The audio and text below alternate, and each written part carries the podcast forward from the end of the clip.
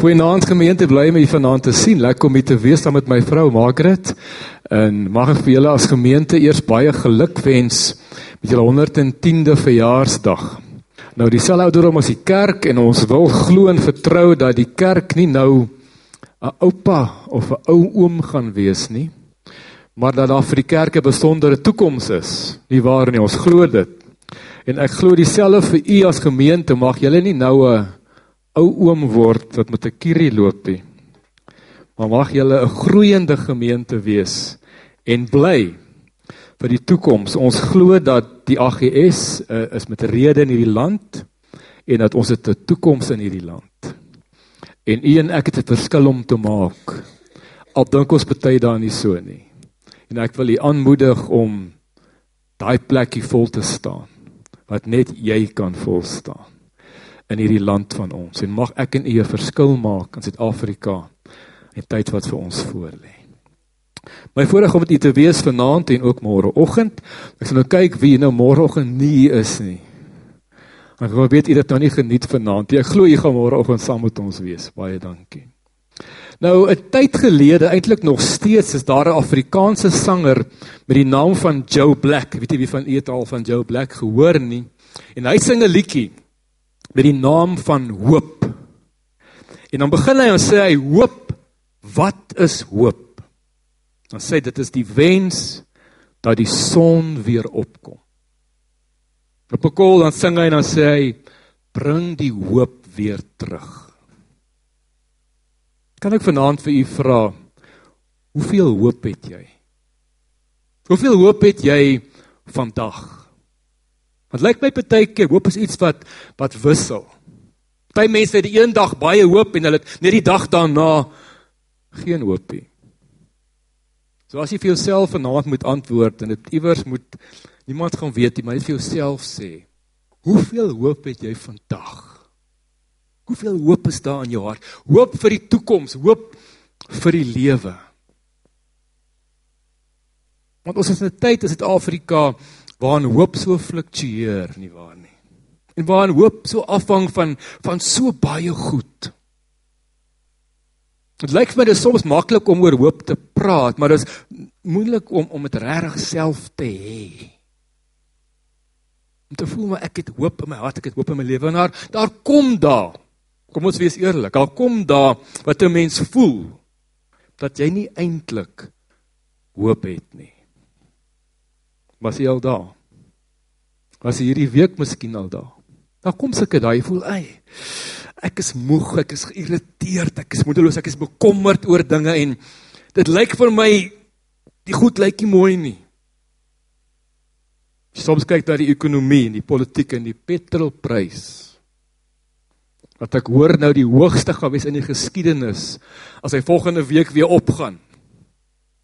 Dan kom ons, "Ag, omstandighede kan ons baie keer bietjie oorweldig, nie waar nie? En dan voel 'n mens dinge loop nie reg nie en en as jy luister na die radio en die koerant lees dan raak jou hoop sommer weg. Nou die Bybel, Paulus, Petrus en Jakobus het nogal baie oor hoop geskrywe. Hierdie hierdie drie manne. En van die bekendes is daar by 1 Korintiërs 13 vers 13.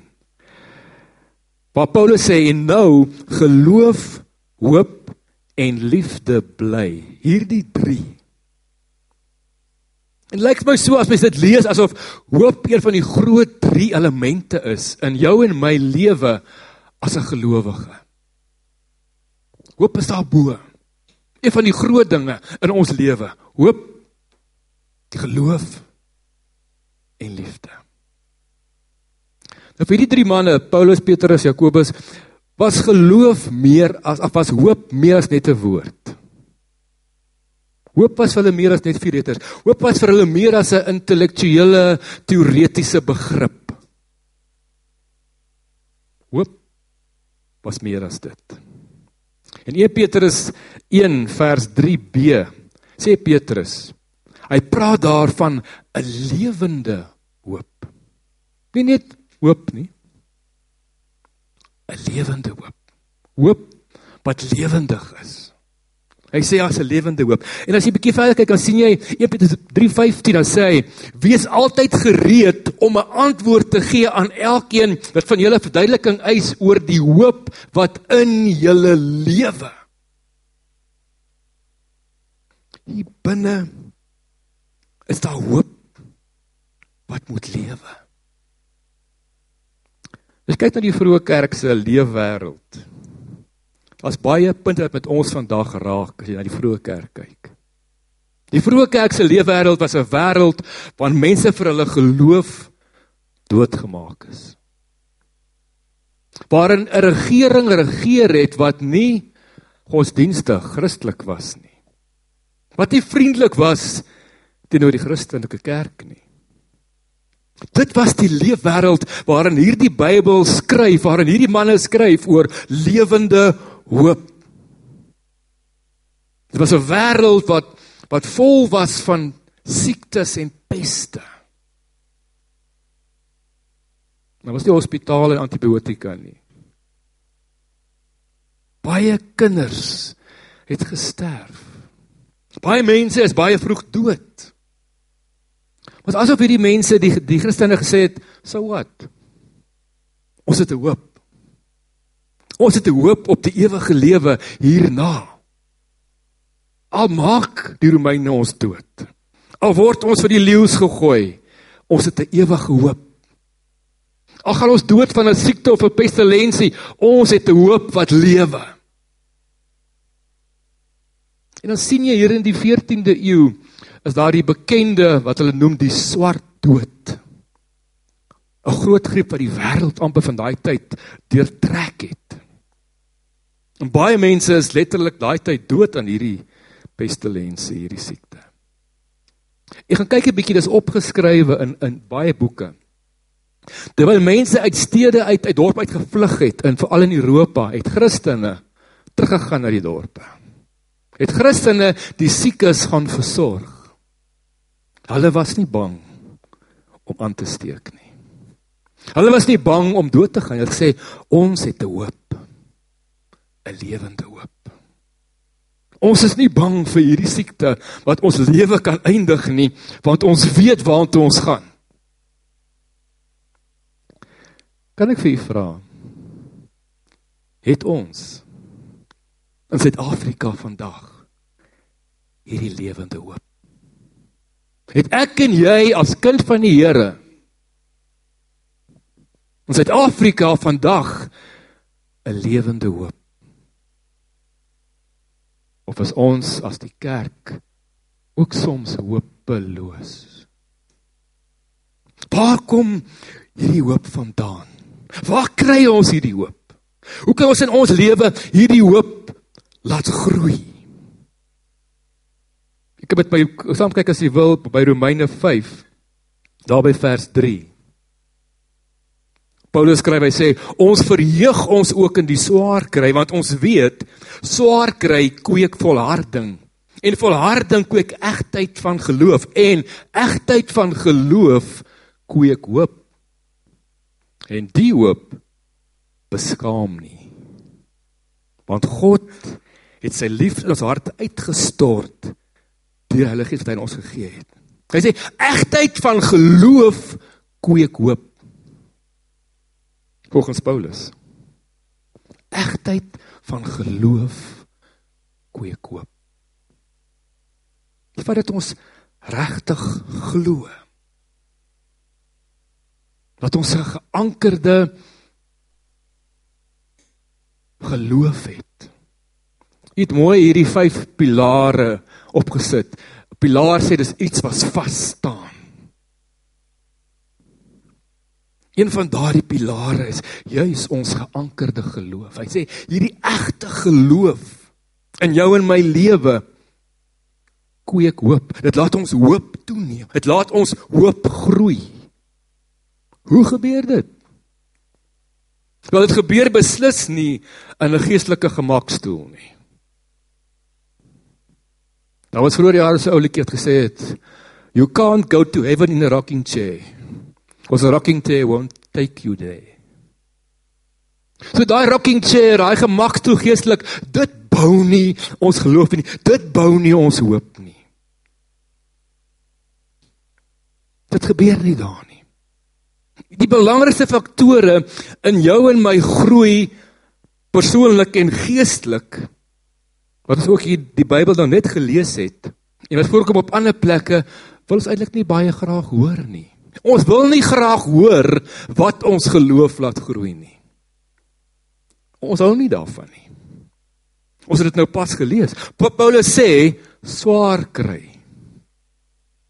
Beproewinge, weerstand en pyn.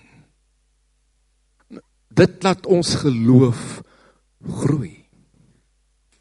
Ons wil dit hoor hè.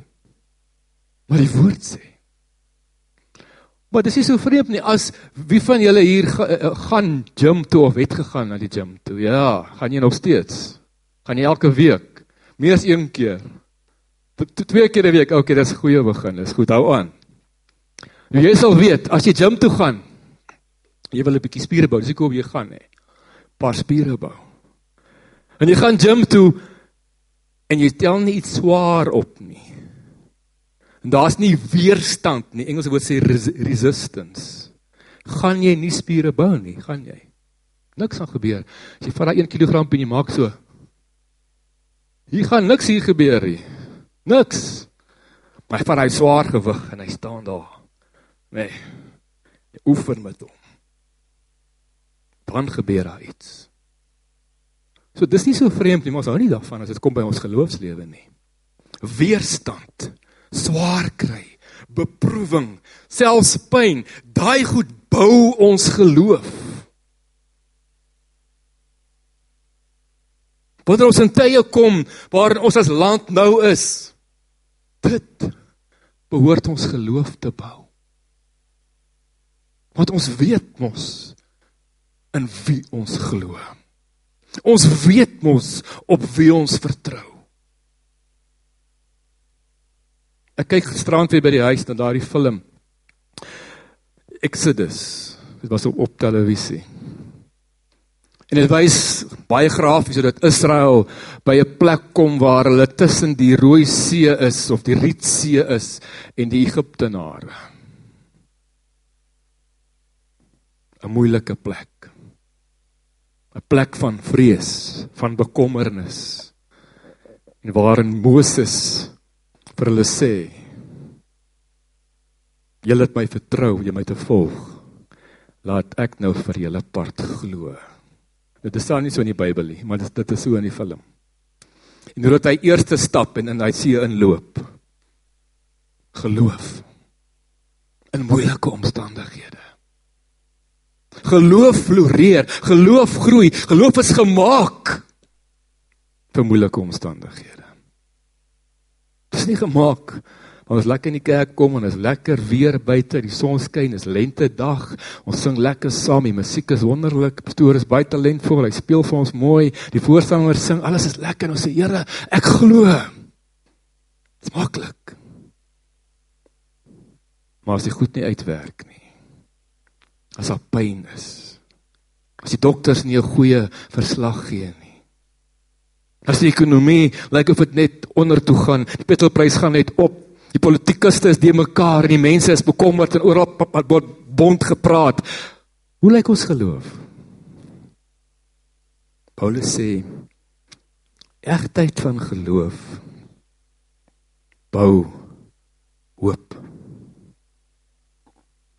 Kom ons hoop vandaan. Ons geloofslewe is nie 'n episode van glitz and glamour, 'n TV storie nie. Dit is nie 'n episode van dit nie. Ons geloofslewe is 'n lewe waar ons nie leef in 'n geestelike veiligheidsglaskas en net die wêreld aanskou van uit daai glaskas, maar nie self die lewe ervaar nie. Ek sê weer, Ons lewe nie ons geloof in 'n geestelike veiligheidsglaskas. Ons lewe net aanskou, maar nie die werklikhede van dit self beleef nie. Ons beleef die lewe se realiteite. Christene leef in die werklike wêreld. Ons geloof is 'n verhaal van volharding in tye van swaar kry. Dis ons geloof. Ons geloof se prentjie is nie 'n prentjie waar ons net in 'n groen greenhouse bly nie. Ons is daar buite in die son en die weer en die weerstand en die dinge wat verkeerd loop. Daar's ons geloof. En Paulus skryf hier oor maar dit ook self ervaar. Dan sê hy Filippense 1:12 sê hy broers, wil ek julle moet weet wat môre gekom het, het juis die verkondiging van die evangelie bevorder. Wat jy nie weet nie, hy was nie op 'n eiland resort op die strand gelê nie. Hy was hy laat op 'n tronk. Daar was moeilike omstandighede. Hy was vervolg. Hy sê dit wat ek ervaar het, het die evangelie se verkondiging bevorder. Vers 14 sê hy: "Deur my boeye, 'n woorde my swaar kry, my beproewing, Deur my boeye is die meeste broers en susters ook in hulle vertroue op die Here gesterk. Jy sien by Paulus 'n totaal ander benadering as wat baie Christene vandag het. Hy kom van 'n totaal ander hoek af. Want so dikwels word ons lewe en ons emosies bepaal deur ons omstandighede. En hoe ons daarop reageer. Baie van ons leef met die illusie dat omstandighede 'n mens se gevoelens bepaal en jou geluk bepaal. Is dit nie so nie? En dan spandeer baie mense baie tyd en baie moeite om hulle omstandighede te probeer verander. Ons probeer ons omstandighede verander. Ons almal doen dit. As jy mooi daaroor dink, ons almal doen dit. Jy probeer elke dag jou omstandighede verander. Beter maak. Ons doen baie dinge om dit te probeer doen. Selfs in ons geloofslewe wil ons, Here, Here, maak my lewe net beter. Maak dit vir my makliker. Maak dit vir my mooier. En ons bid baie keer vir die Here hierdie lysies van inkoopie goeder wat alles moet reggaan, moet mooi gaan, moet uitwerk. En die, die probleem van dit is dat God ons word as dit ware God se customers. Ons word sy kliënte. Hy moet ons gelukkig hou. Sy werk word dan dat omstandighede moet reg wees en aangenaam wees vir my. En my is 'n ware in daai greenhouse wat jy daar sien, jy moet dit ware in daai greenhouse sit.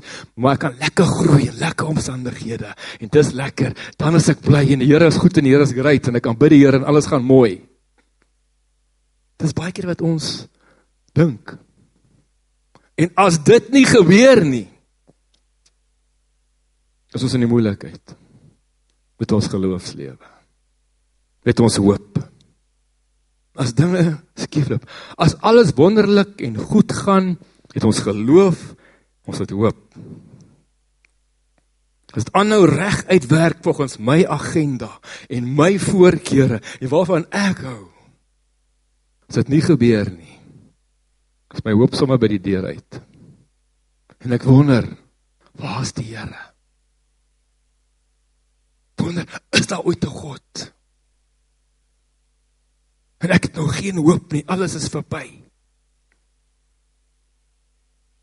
En baie van ons kom op gereelde basis daar. As jy koerant opskrif sien, so ons die TV nuus hoor, so hoor wat die politieke leiers weer sê, Die jongen gaan nou die land verlaat. Ek het nou nie meer hoop vir hierdie plek nie. Te kon ons sou ek. En ons hoop is op 'n wipplank. Dit gaan so op en af. Word bepaal deur omstandighede. En nie deur ons geloof nie. Paulus sê geloof, ware geloof, egte geloof kweek hoop. Die alternatief is dat ek elke dag opstaan as dit ware myself aan herinner dat Jesus is die Here. Kom sien dit bietjie dit doen elke oggend. Nee, opstaan en sê, vanmôre opstaan en sê Jesus is die Here. Weet jy wat dit beteken as ons dit sê? Ons het dit vir baie jare gesing en baie mooi koortjies gesing. Hy is Heer, hy is Heer. Jesus is die Here. Grieks sê Jesu kurios en ek praat nou hierso in 'n gevaarlike plek want hier's professor wat Griekse baie goeters baie goed ken.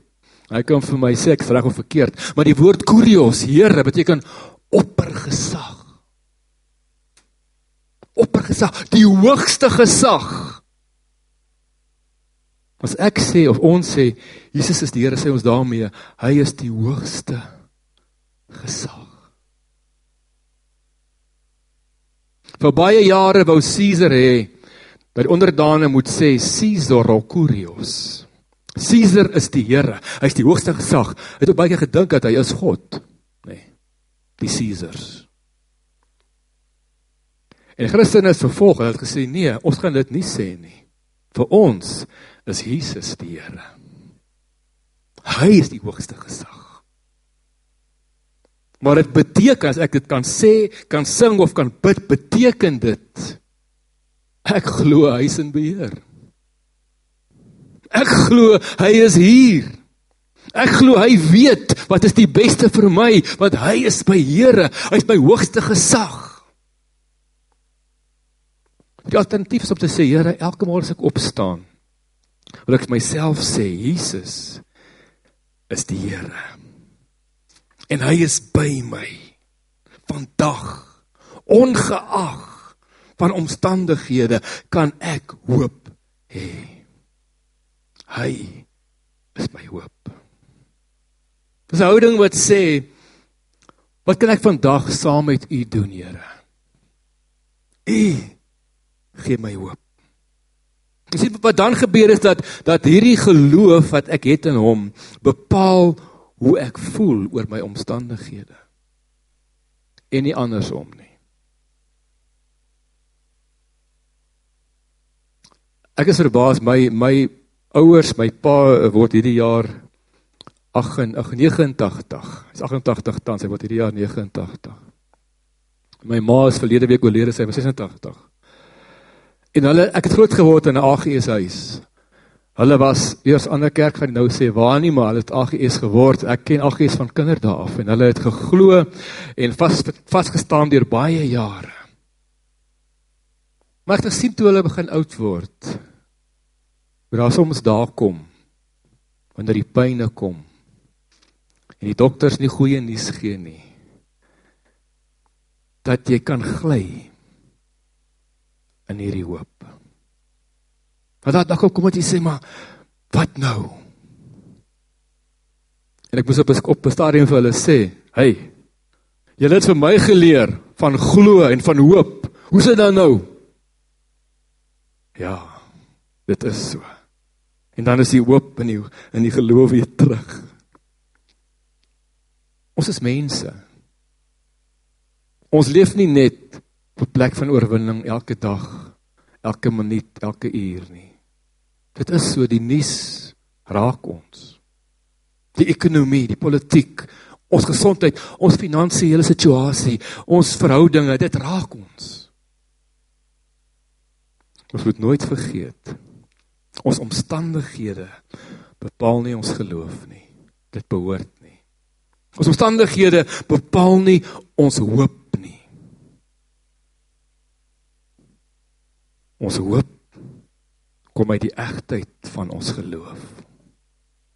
So wanneer Paulus dan sê, wil jy julle moet weet broers, wat met my gebeur het, het die evangelie eintlik bevorder.